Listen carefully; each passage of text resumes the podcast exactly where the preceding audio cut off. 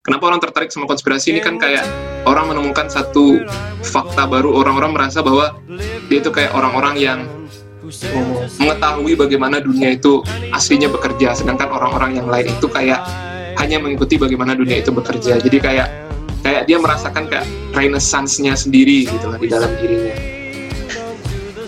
Dia kalau bisa dibilang ya sebenarnya teori konspirasi itu ada gunanya juga sih sebenarnya gunanya adalah sebagai kon kontrol ya?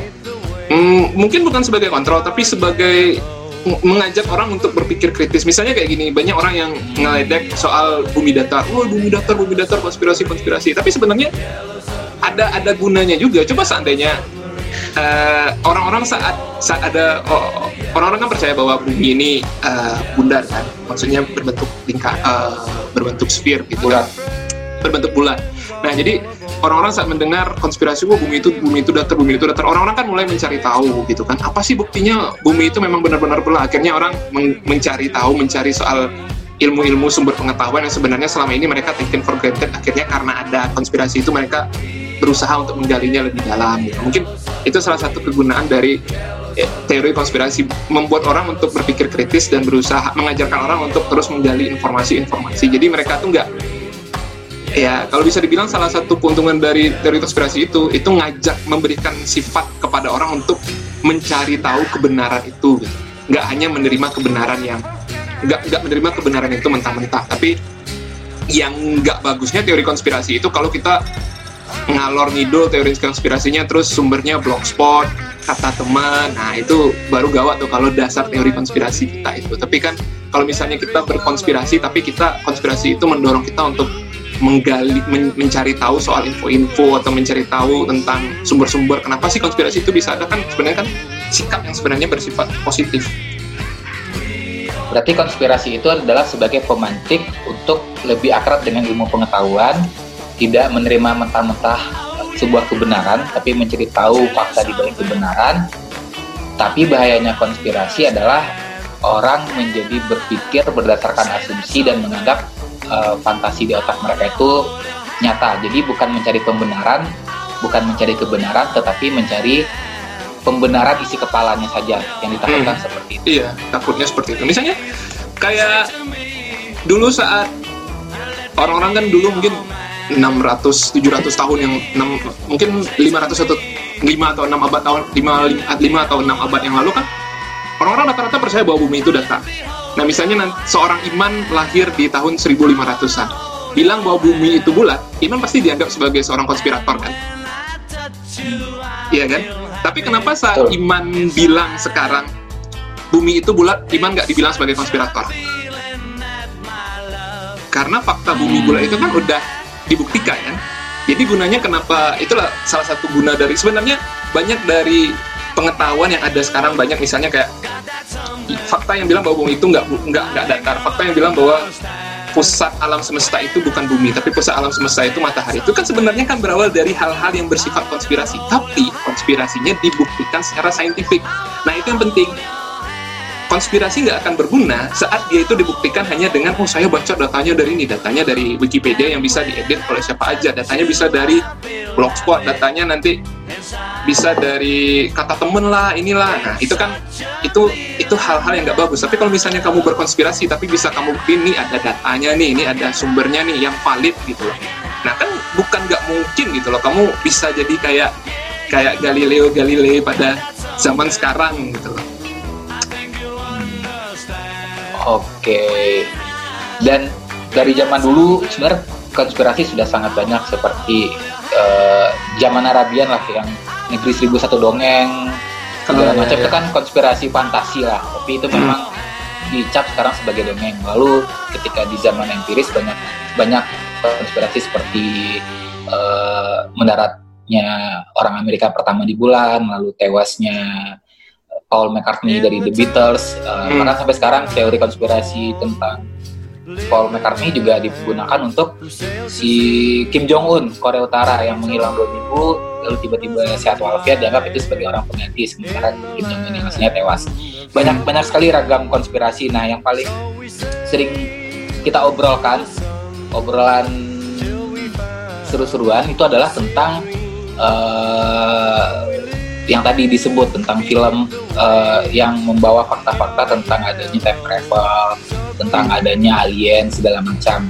Ya mungkin berawal dari film dan mungkin film pun juga menemukan fakta-fakta ataupun memang hanya sisi seru saja, misalnya dari Doraemon, uh, dari Interstellar, macam-macam. Nah, Bima kenapa tertarik dengan itu? Apakah karena senang dengan fantasi time travelnya atau memang menemukan sisi-sisi yang ternyata sepertinya memang ada uh, kesempatan orang untuk menjelajahi waktu ataupun alien mendarat ataupun makhluk hidup yang ada di luar bumi itu apakah memang hanya senang dengan isunya berharap itu ada atau memang ada sesuatu yang memantik itu menjadi benar? Hmm, kalau bilang tertarik gimana ya? Sebenarnya dibilang tertarik itu karena hal-hal itu tuh hal yang asik buat diobrolin gitu karena saat kita mengobrol ya, konspirasi itu seru ngobrolnya seru ngobrol jadi kalau kita sebenarnya kalau kita ngobrolin konspirasi sama teman-teman kita ngobrol sama teman-teman itu cerita konspirasi pasti itu ceritanya seru banget daripada kita gunjingin orang gibahin orang gitu kan. Mending kita gibahin fenomena atau gibahin konspirasi gitu kan. Nah balik lagi uh, yang menarik tadi kata Iman adalah percaya nggak alien itu ada? Sebenarnya ya kita mulai berkonspirasi nih. Kita itu semua mah semua oke okay, kita lepaskan dulu kacamata maksud kita lepaskan dulu narasi agama dulu ya. Soalnya kalau kalau kita udah masukkan narasi agama kan udah pasti gitu kan setiap mutlak ya mutlak ya nggak nggak bisa dibantah gitu ya nah kita lepasin dulu narasi itu gitu kita biarkan alam pikiran kita ini bebas ngalor ngidul ngobrolin soal konspirasi sebenarnya setiap dari manusia itu adalah alien.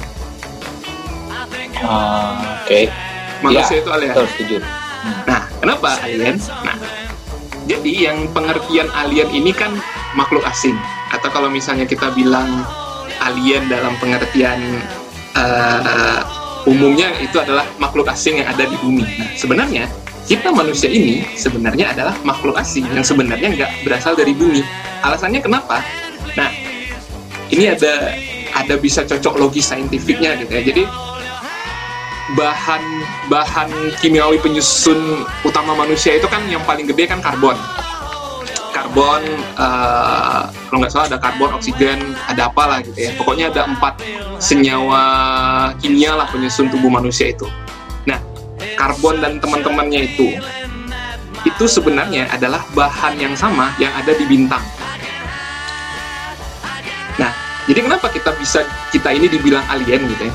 Jadi penyus ibaratnya penyusun tubuh manusia itu DNA tubuh manusia itu yang sebagian besar terdiri dari karbon itu sebenarnya adalah material-material yang dibawa oleh bintang yang berada jauh di di di di di, di, di luar sana gitu. Jadi saat bintang itu meledak, jadi pecahan-pecahan karbonnya itu nanti jatuh ke bumi, terus nanti dia berevolusi jadi sel, terus kita berkembang jadi deh manusia. Gitu.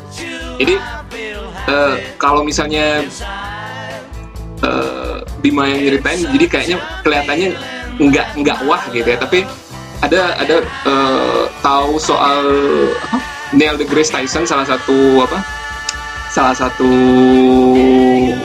saintis saintis di Amerika dia menceritakan bahwa sebenarnya setiap dari manusia itu adalah alien gitu loh karena penyusun utama tubuh kita itu sebenarnya berasal dari bintang jadi saat saat manusia itu melihat bintang, dia sebenarnya sedang melihat asal-usulnya sendiri.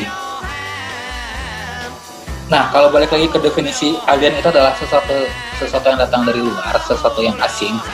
Berarti manusia tidak bisa dikatakan alien oleh manusia sendiri. Jadi manusia dikatakan alien adalah oleh orang yang bukan manusia.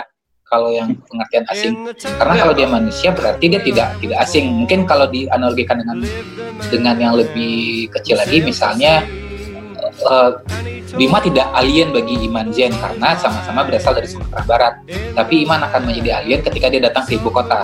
Hmm. Nah, siapa yang siapa yang menjadi objek mengatakan manusia itu adalah alien?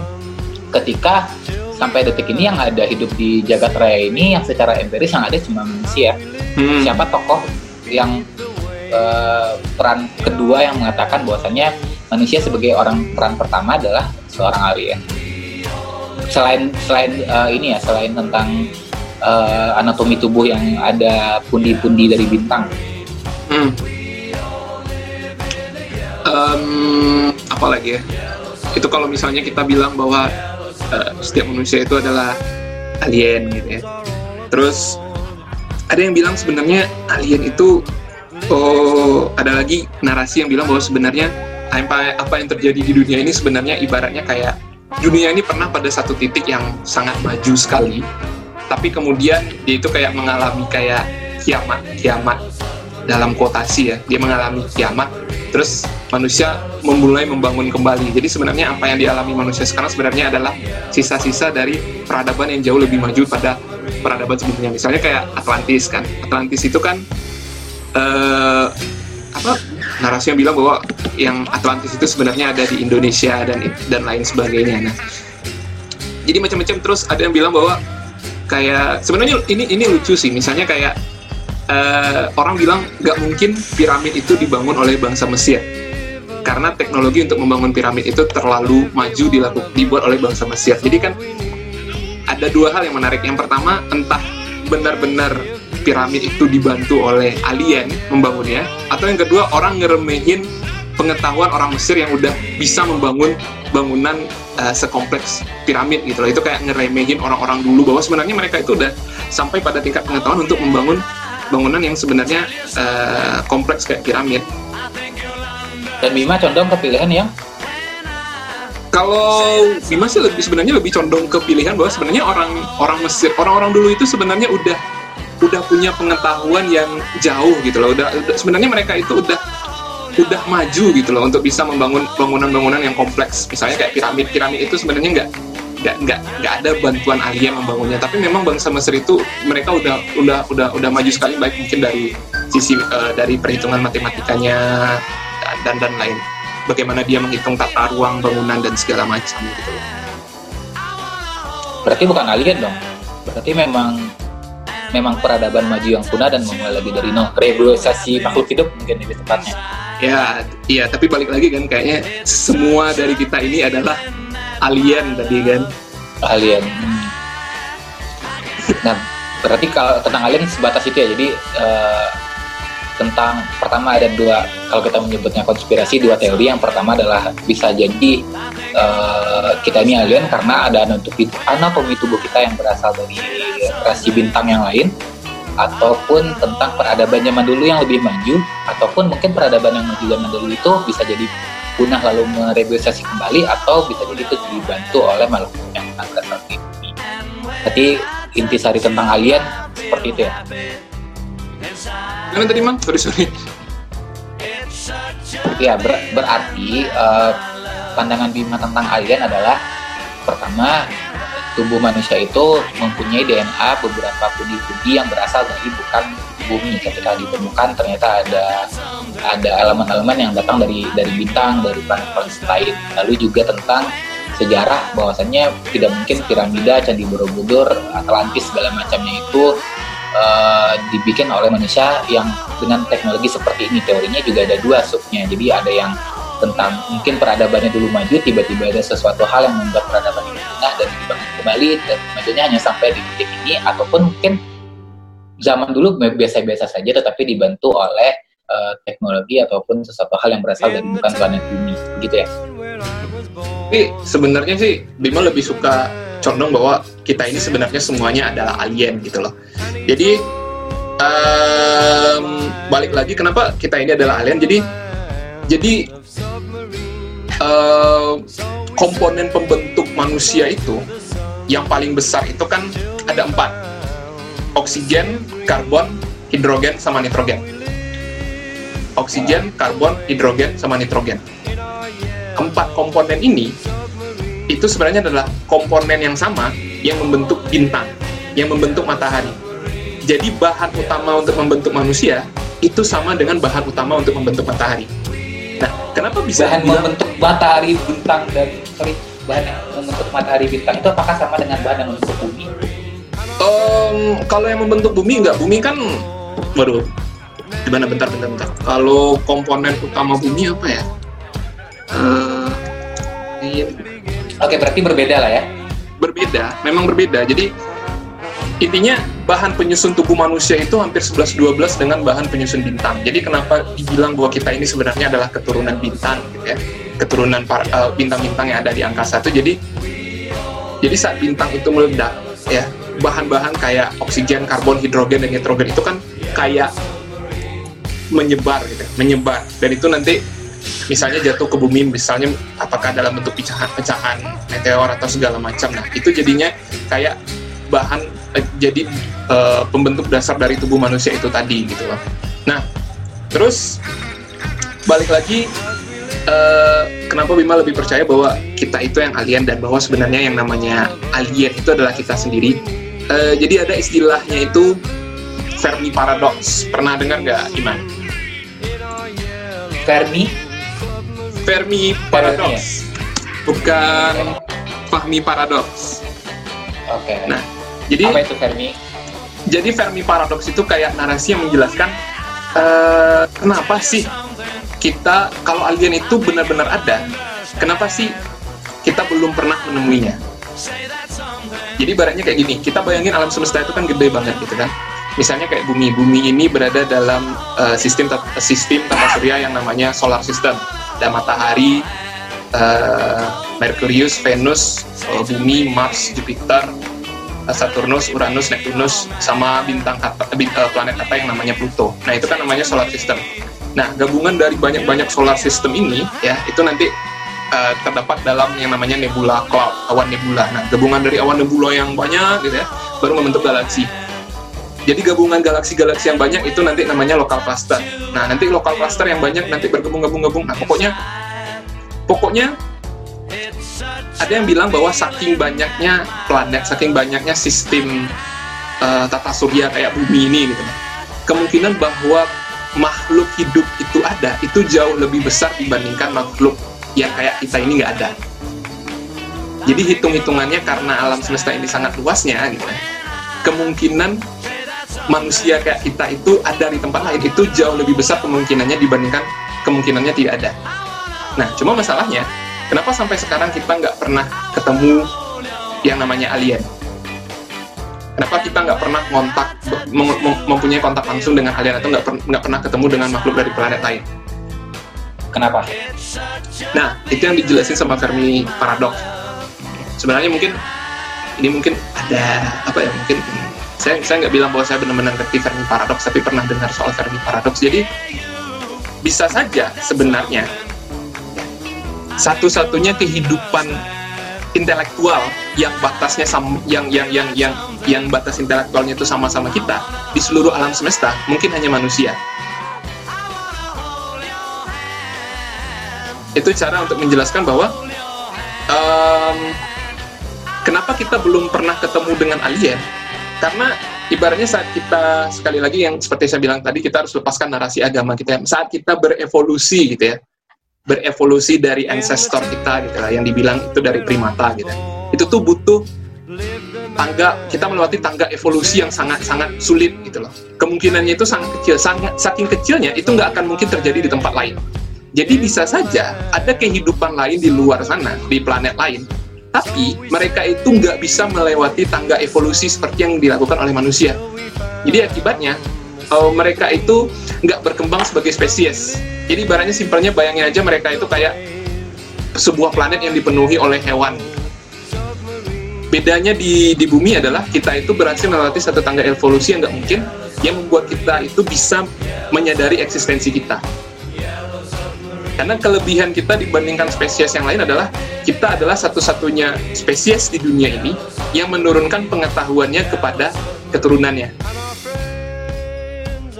Satu-satunya satu-satunya yang bikin manusia itu unggul dibandingkan spesies yang lainnya adalah karena kita nurunin pengetahuan kita kepada eh, anak cucu kita. Sedangkan spesies yang lain nggak melakukannya. Makanya mereka itu cenderung stagnan.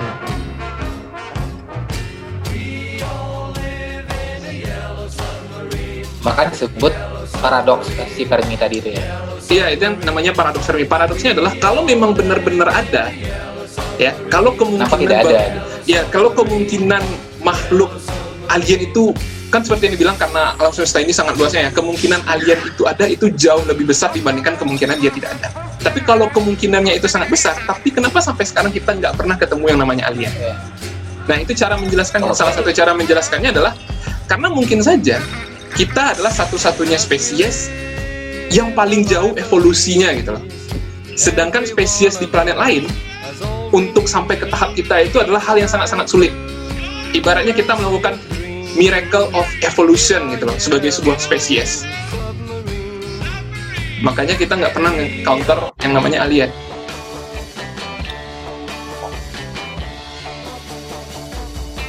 Oke oke oke. Dan dan kenapa Hah?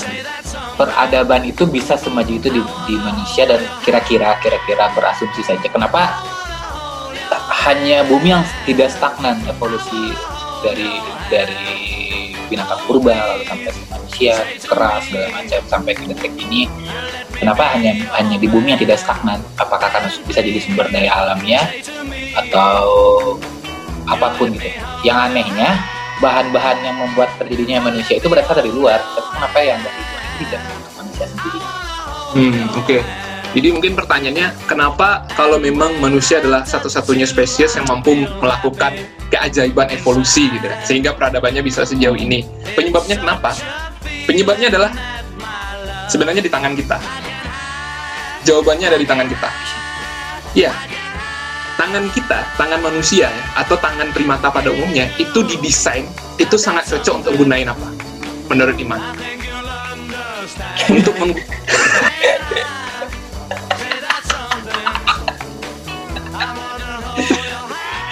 Oke, kita coba kembali serius. eh, tangan kiri manusia.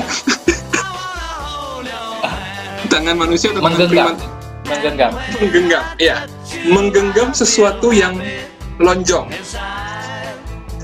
Mengge- oke serius jadi tangan manusia tangan manusia atau tangan primata pada umumnya itu adalah ini adalah bagian tubuh ibaratnya nggak ada dimiliki oleh makhluk yang lain nggak ada dimiliki dimiliki oleh kucing apalagi ikan sama serangga ibaratnya Kerah, tangan kerah, kerah. Iya makanya primata, primata dan manusia Oh iya. itu tangannya itu itu ta- adalah salah satu bagian tubuh yang didesain sempurna untuk menggenggam alat.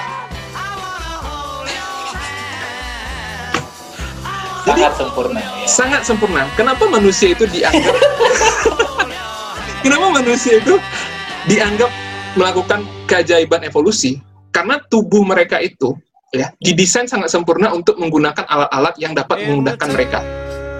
Salah satu lompatan paling luar biasa dalam peradaban manusia sebenarnya saat kita menemukan cara untuk bercocok tanam. Kita bercocok tanam gunain apa?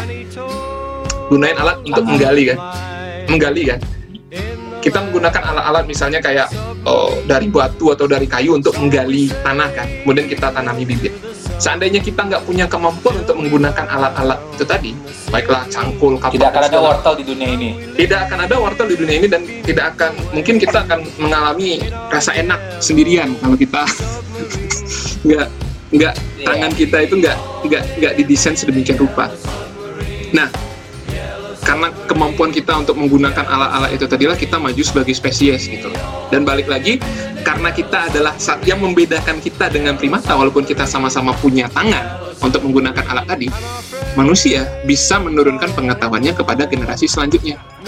Misalnya saat generasi pertama dia menggali tanah pakai kayu, dia ajarin ke anaknya buat menggali tanah pakai kayu. Anaknya kemudian akan menyempurnakan mungkin nggak hanya pakai kayu, nanti kayunya dipasangin batu gitu. Jadilah kapak sederhana. Nanti dia turunin lagi kepada cucunya, nanti cucunya mungkin nggak pakai batu, nanti digantinya sama apalah gitu yang lebih bagus. Nah itulah penggula manusia Sampai ke kompor. sangat Sampai Iya, nanti ke kompor jadinya. sampai nanti ke kompor, sampai nanti ke pesawat. Ikut sebenarnya kan apa eh, kemajuan manusia sebagai spesies itu sekarang kan karena generasi-generasi sebelumnya itu kan menurunkan ilmunya kepada manusia setelahnya.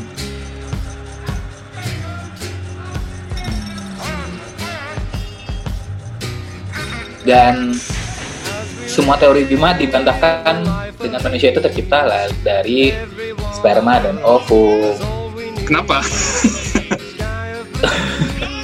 Ya berarti tentang ten- tentang alien cukup cukup jelas ya maksudnya dari sudut pandang Bima eh, tadi tentang anatomi, anatomi tubuh terus eh, kita yang berevolusi kenapa hanya di bumi yang tidak stagnan karena uh, rangka anatomi tubuh kita tuh memiliki tangan yang bisa bekerja menciptakan sesuatu gitu dan melahirkan makhluk hidup lain karena kalau tidak hmm. tidak akan ada wortel, tumbuhan segala macam. Yeah, yeah. Oke, biar tidak terlalu berlama-lama di alien, biar kita tidak seperti acara di Kompas TV tadi, ada satu teori konspirasi lagi yang sering dimediskusikan beberapa tahun yang lalu. Bahkan ketika kita di Jakarta kemarin di ada acara American Corner ya di Jakarta ya, Pusat, ya. kita Corner. diskusi juga tentang tentang ini tentang time travel tentang time travel. Oh ya time travel. Kenapa kenapa begitu ambisius tentang time travel? Kenapa apa yang memungkinkan itu ada? Kalau memang itu ada, durhaka sekali rasanya anak cucu kita nggak jenguk kita saat ini. Di saat kita lagi psbb lagi kesepian. Hmm, sebenarnya kalau soal time travel ini uh, sebenarnya Bima nggak bisa bicara banyak ya karena nggak nggak ahlinya gitu ya. paling yang bisa Bima ceritain adalah apa yang pernah Bima baca atau apa yang pernah Bima uh, ya apa yang pernah Bima baca lah gitu ya. Jadi sebenarnya uh, take a grain of salt lah dari opini Bima gitu ya. Ibaratnya opini ini bisa sangat-sangat dibantah sekali gitu loh. Jadi sebenarnya yang namanya, namanya juga konspirasi. Iya namanya. Enggak, tapi yang namanya time travel itu sebenarnya adalah hal yang sangat mungkin loh. Kenapa? Tapi, maksud, tapi yang dia maksud yang uh, dalam apa ya? Yang definisinya dimaksud, berbeda ya?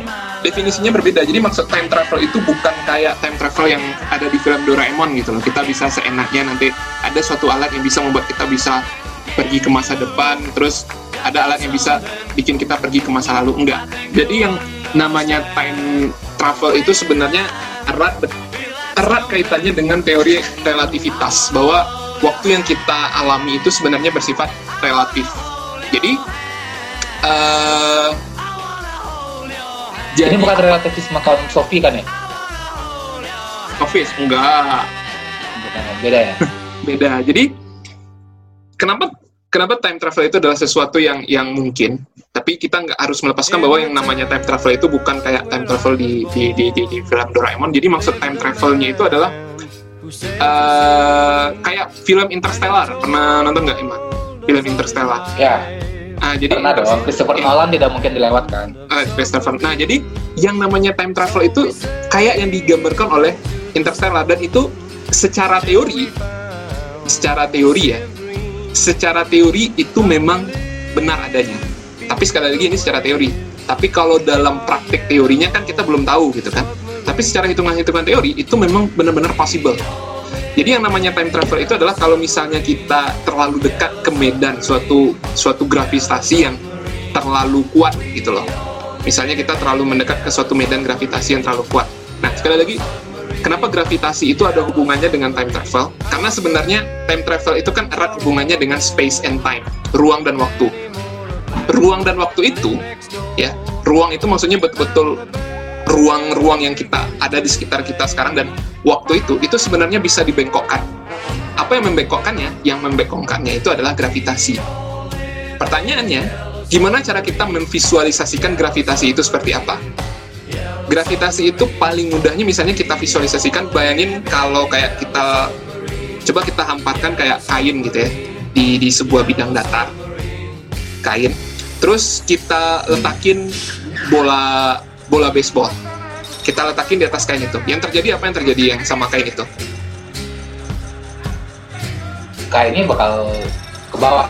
Kainnya bakal ke bawah kan? Nah, gravitasi bekerja seperti itu. Jadi bayangin bola baseball itu tadi adalah massa. Jadi yang menentukan seberapa besar gravitasi massa gravitasi itu tadi adalah semakin besar massa suatu bendanya, maka daya tarik atau daya gravitasinya itu pasti akan semakin besar. Nah, gravitasi ini kan salah satu empat elemen fundamental di alam semesta gitu ya.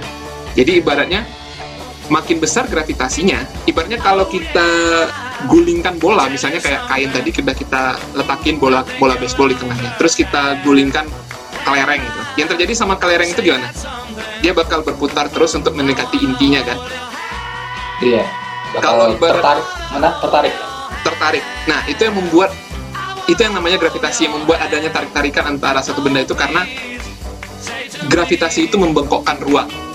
Nah itu tadi ya, intinya kita udah bisa bayangin bahwa gravitasi membengkokkan ruang seperti itu. Karena dia membengkokkan ruang, makanya ada benda-benda yang tertarik sama dia. Ibaratnya bayangin hemparan kain itu adalah ruang yang ada sekarang. Dan ibaratnya kenapa bulan itu mengelilingi bumi? Karena bumi itu membengkokkan ruang sama halnya seperti kayak bola kasih itu membengkokkan kain itu tadi. Dan kelereng itu tadi adalah bulan. Makanya dia terus mendekat ke bumi, dia berputar terus di sekitar bumi. Nah, sekarang bayangin, bola kastinya nggak bola kasti kita ganti. Kita ganti dengan bola bowling ibaratnya kayaknya pasti akan lebih turun kan? Iya. Otomatis menekan. kalau lebih menekan, kalau dia lebih menekan, kita gulingkan lagi ke lereng, putarannya pasti bakal lebih cepat kan? Hmm. Nah, kalau putaran di sekitar di sekitar bola bowling itu semakin cepat, ibaratnya yang jauh dari benda itu tadi dia terpengaruh nggak? Dia ikut berputar semakin cepat juga nggak? Hmm. Nggak, nggak kan? ikut ikut berputar cepat juga nggak enggak kan dia kan tidak ibarat tidak ibaratnya yang berputar cepat kan benda-benda yang dekat dengan gravitasi tadi nah nah ini sekali lagi ya Bima tekankan Bima bukan expert soal hal ini Bima hanya menyampaikan apa yang pernah Bima baca jadi apa yang Bima sampaikan ini sangat-sangat bisa dibantah mungkin kalau ada yang yang lebih ahli mendengarnya ini bilang oh yang Bima bilang itu salah ya ya bisa itu hal-hal yang yang yang bisa bisa diterima gitu loh nah jadi cara gravitasi itu membengkokkan waktu ya seperti itu tadi. Bayangin kalau masa benda yang sebegitu beratnya, misalnya kayak black hole. Black hole itu kan benda yang sangat-sangat padat, saking padatnya cahaya pun tertarik. Saking beratnya dia, cahaya aja itu bisa ketarik dengan ke, ke, ke gravitasinya. Bayangin berapa cepat kita kalau misalnya dekat ke, ke black hole itu tadi, ada istilahnya event horizon ya. Event horizon itu adalah safe space-nya kita bisa dekat dengan black hole gitu loh. Bayangin kalau kita sangat dekat ke black hole sebenarnya kan semuanya berputar dengan cepat gitu ya. Tapi yang jauh dari black hole itu dia putarannya lambat kan? Jadi sebenarnya kalau kita sedang berada di suatu medan misalnya kayak di dekat black hole yang gravitasinya kuat itu saat kita melihat keluar semuanya berputar dengan cepat tapi saat orang melihat ke dalam black hole yang tidak terpengaruh gravitasi black hole tadi dia melihat semuanya berputar secara normal. secara normal. Jadi orang jadi interstellar itu bilang kalau kita terlalu dekat dengan black hole semenit aja di sana itu rasanya kalau di dunia luar itu sama kayak tujuh hari. Dan ini sekali lagi secara teori itu sebenarnya possible gitu. Secara teori uh, possible. Nah itu yang namanya time travel. Jadi time travel itu kalau kita mau pergi ke masa depan kita pergi ke tempat ke ke, ke suatu medan yang punya gravitasi yang sangat besar sekali. Kita uh, berdiri di sana sekian lama terus kita keluar dari medan itu. Nanti saat kita keluar semuanya udah kayak kita itu pergi ke masa depan dengan cepat gitu. Nah intinya intinya kayak gitu sih yang namanya time time travel jadi karena relativitas tadi bukan kita uh, melompati waktu tetapi kita menghindar dari lompatan waktu yang begitu lama ya kan hmm ya jadi kalau gimana ya? Kan ketika mungkin... ketika di Interstellar itu kan si ayamnya itu pergi ke ke sesuatu daya yang begitu kuat tadi kan yang membuat uh, putaran itu menarik entah itu black hole di filmnya. Ya. Hmm. Terus uh, di sana waktu sangat begitu cepat kan. Sementara hmm. Uh, ketika dia lari dari situ tempat dia yang lama itu masih berputar secara normal. Hmm. Nah makanya yang berputar secara normal itu tetap berjalan seperti itu sementara dia sudah melewati beberapa waktu sehingga ketika dia kembali sebenarnya dia masih di tempat yang sama masih di alam semesta yang sama tetapi karena relativitasnya berbeda dia tidak menua dia tidak mengikuti penuaan yang terjadi di tempat sebelumnya makanya terjadi perbedaan waktunya di sana gitu ya hmm. hmm. oke oke oke yeah. jadi jadi tidak orang yang yang kembali ke, tidak akan tidak ada peradaban yang berbeda berarti. Cuma ada relativitas yang berbeda. Kalau untuk masalah waktu ya. Kalau untuk masalah waktu ya. Sebenarnya yeah. semuanya itu relatif. Jadi uh, kayak ada quote atau guyon yang bilang kita megang besi panas selama semenit rasanya setahun tapi yeah. kalau dekat gebetan setahun rasanya semenit iya nggak hmm. Anda gitu. sudah menikah Bima okay, ya kalau semenit dekat istri intinya rel relativitas kayak gitu relatif kan tergantung Cuma kalau yang Bima cerita tadi relatif ketergantungannya itu tergantung kamu itu dekat dengan medan gravitasi yang kuat atau enggak. Oke. Nah, tapi balik lagi Bima Bima tegasin ya intinya apa yang Bima sampaikan ini sangat-sangat bisa dibantah sekali gitu. Jadi ini kan hanya pendapat Bima dari apa yang Bima baca. Jadi bisa aja apa yang Bima baca itu salah gitu kan, kan bisa aja gitu. Atau Bima salah memahaminya. Gitu. Tapi sepakatnya bahwasanya tidak akan ada yang namanya masa depan itu sudah ada. Itu tidak akan ada ya. Masa depan Maksudnya masa yang- seribu yang seribu tahun lagi itu sudah ada terus nanti orangnya pulang tidak akan ada tapi bakal ada kemungkinan jika kita mendekat ke sebuah daya tarik magnet yang re- relativitasnya berbeda dengan yang saat ini terus kita berdiam diri selama semenit gara-gara di situ putaran waktunya sangat cepat ketika kita balik kita tidak menua sementara kehidupan di sini sudah menua Hmm, ya bisa dibilang kayak gitu. Tapi ini hal yang menarik nih, Man. Sebenarnya kita sekarang bisa melihat masa lalu loh. Kita Dengan cara- mungkin kita mungkin nggak bisa melihat masa depan, tapi kita bisa melihat masa lalu. Dan sebenarnya kita bisa melihat masa lalu cukup dengan menenggadahkan kepala di saat malam hari ke langit. Kita udah bisa melihat masa lalu. Karena apa pun yang ada di angkasa, bintang-bintang tadi yang kita lihat saat malam hari, itu sebenarnya adalah gambaran masa lalu. Kenapa dibilang masa lalu? Cahaya itu kan kecepatannya 300 ribu kilometer per detik, gitu ya. Ibaratnya, cahaya matahari sampai ke bumi itu butuh waktu 8 detik. Karena jarak matahari ke bumi ada sekitar ratusan juta kilometer, gitu. Jadi cahaya dengan kecepatannya itu butuh 8 detik sampai ke bumi. Nah, kita melihat suatu objek itu kan butuh cahaya kan kita melihat suatu objek itu kan sebenarnya karena cahaya terpantul ke mata kita jadi secara teknis matahari yang kita bukan kita lihat sih matahari yang kita rasakan itu yang kita rasakan keberadaannya itu sebenarnya adalah matahari 8 detik yang lalu jadi ibaratnya kalau misalnya matahari itu tiba-tiba hilang manusia di bumi butuh 8 detik untuk menyadari bahwa matahari itu hilang nah itu matahari sekarang coba kita bayangin ke bintang, bintang yang jaraknya misalnya bintang yang paling dekat ke bumi itu nama bintangnya adalah Alpha Centauri. Alpha Centauri itu jaraknya 4 tahun cahaya. 4 tahun cahaya artinya cahaya dengan kecepatan 300.000 km per detik butuh 4 tahun untuk misalnya cahaya cahaya bintang di Alpha Centauri itu butuh waktu 4 tahun untuk sampai ke bumi cahayanya. Jadi kalau misalnya bintang Alpha Centauri itu tiba-tiba meledak jadi Big Bang, manusia di bumi butuh waktu 4 tahun untuk menyadarinya. jadi di tahun kedua eh, kita masih melihat Alpha Centauri itu masih ada padahal dia sudah Masih ada. Bisa bisa jadi bisa jadi. Misalnya kita lihat nih, kita lihat bintang Alpha Centauri misalnya pakai teleskop gitu ya. Yang kita lihat itu sebenarnya adalah Alpha Centauri 4 tahun yang lalu. Kalau misalnya dia udah meledak, kita butuh waktu 4 tahun untuk menyadarinya. Atau misalnya kita lihat ke bintang-bintang yang lebih jauh gitu loh. Bintang-bintang yang mungkin jaraknya puluhan tahun cahaya atau ratusan tahun cahaya. Ibaratnya kita melihatnya sekarang, tapi menyadari misalnya dia udah nggak ada, tapi kita nggak nggak akan pernah bisa tahu gitu loh. Karena yang kita lihat ke atas itu sebenarnya masa lalu. Jadi kalau cara kita melihat masa lalu adalah dengan melihat ke atas. Nah, ini menarik menariknya di sini kalau misalnya ya kita misalnya kita bisa berteleportasi secara instan gitu kita berteleportasi secara instan ke tempat yang jaraknya 50 juta tahun cahaya dari bumi gitu. ke planet yang jaraknya 50 juta tahun cahaya dari bumi terus kita ngelihat dari planet yang jaraknya 50 juta tahun cahaya itu ya kita gunain teleskop kita ngelihat ke bumi itu sebenarnya ya secara apa secara teorinya yang kita lihat itu sebenarnya adalah bumi 50 juta tahun yang lalu. Jadi bumi saat dinosaurus itu masih ada. Oh. Jadi, iya, iya. Mungkin aja kalau kita misalnya tiba-tiba bisa apa teleportasi 50 juta ke, ke planet yang 50 juta tahun jaraknya dari sini, kita bisa punya teleskop yang sangat-sangat luar biasa yang ibaratnya bisa melihat detail planet. Bukan nggak kita tahu mungkin siapa nenek moyang kita ya.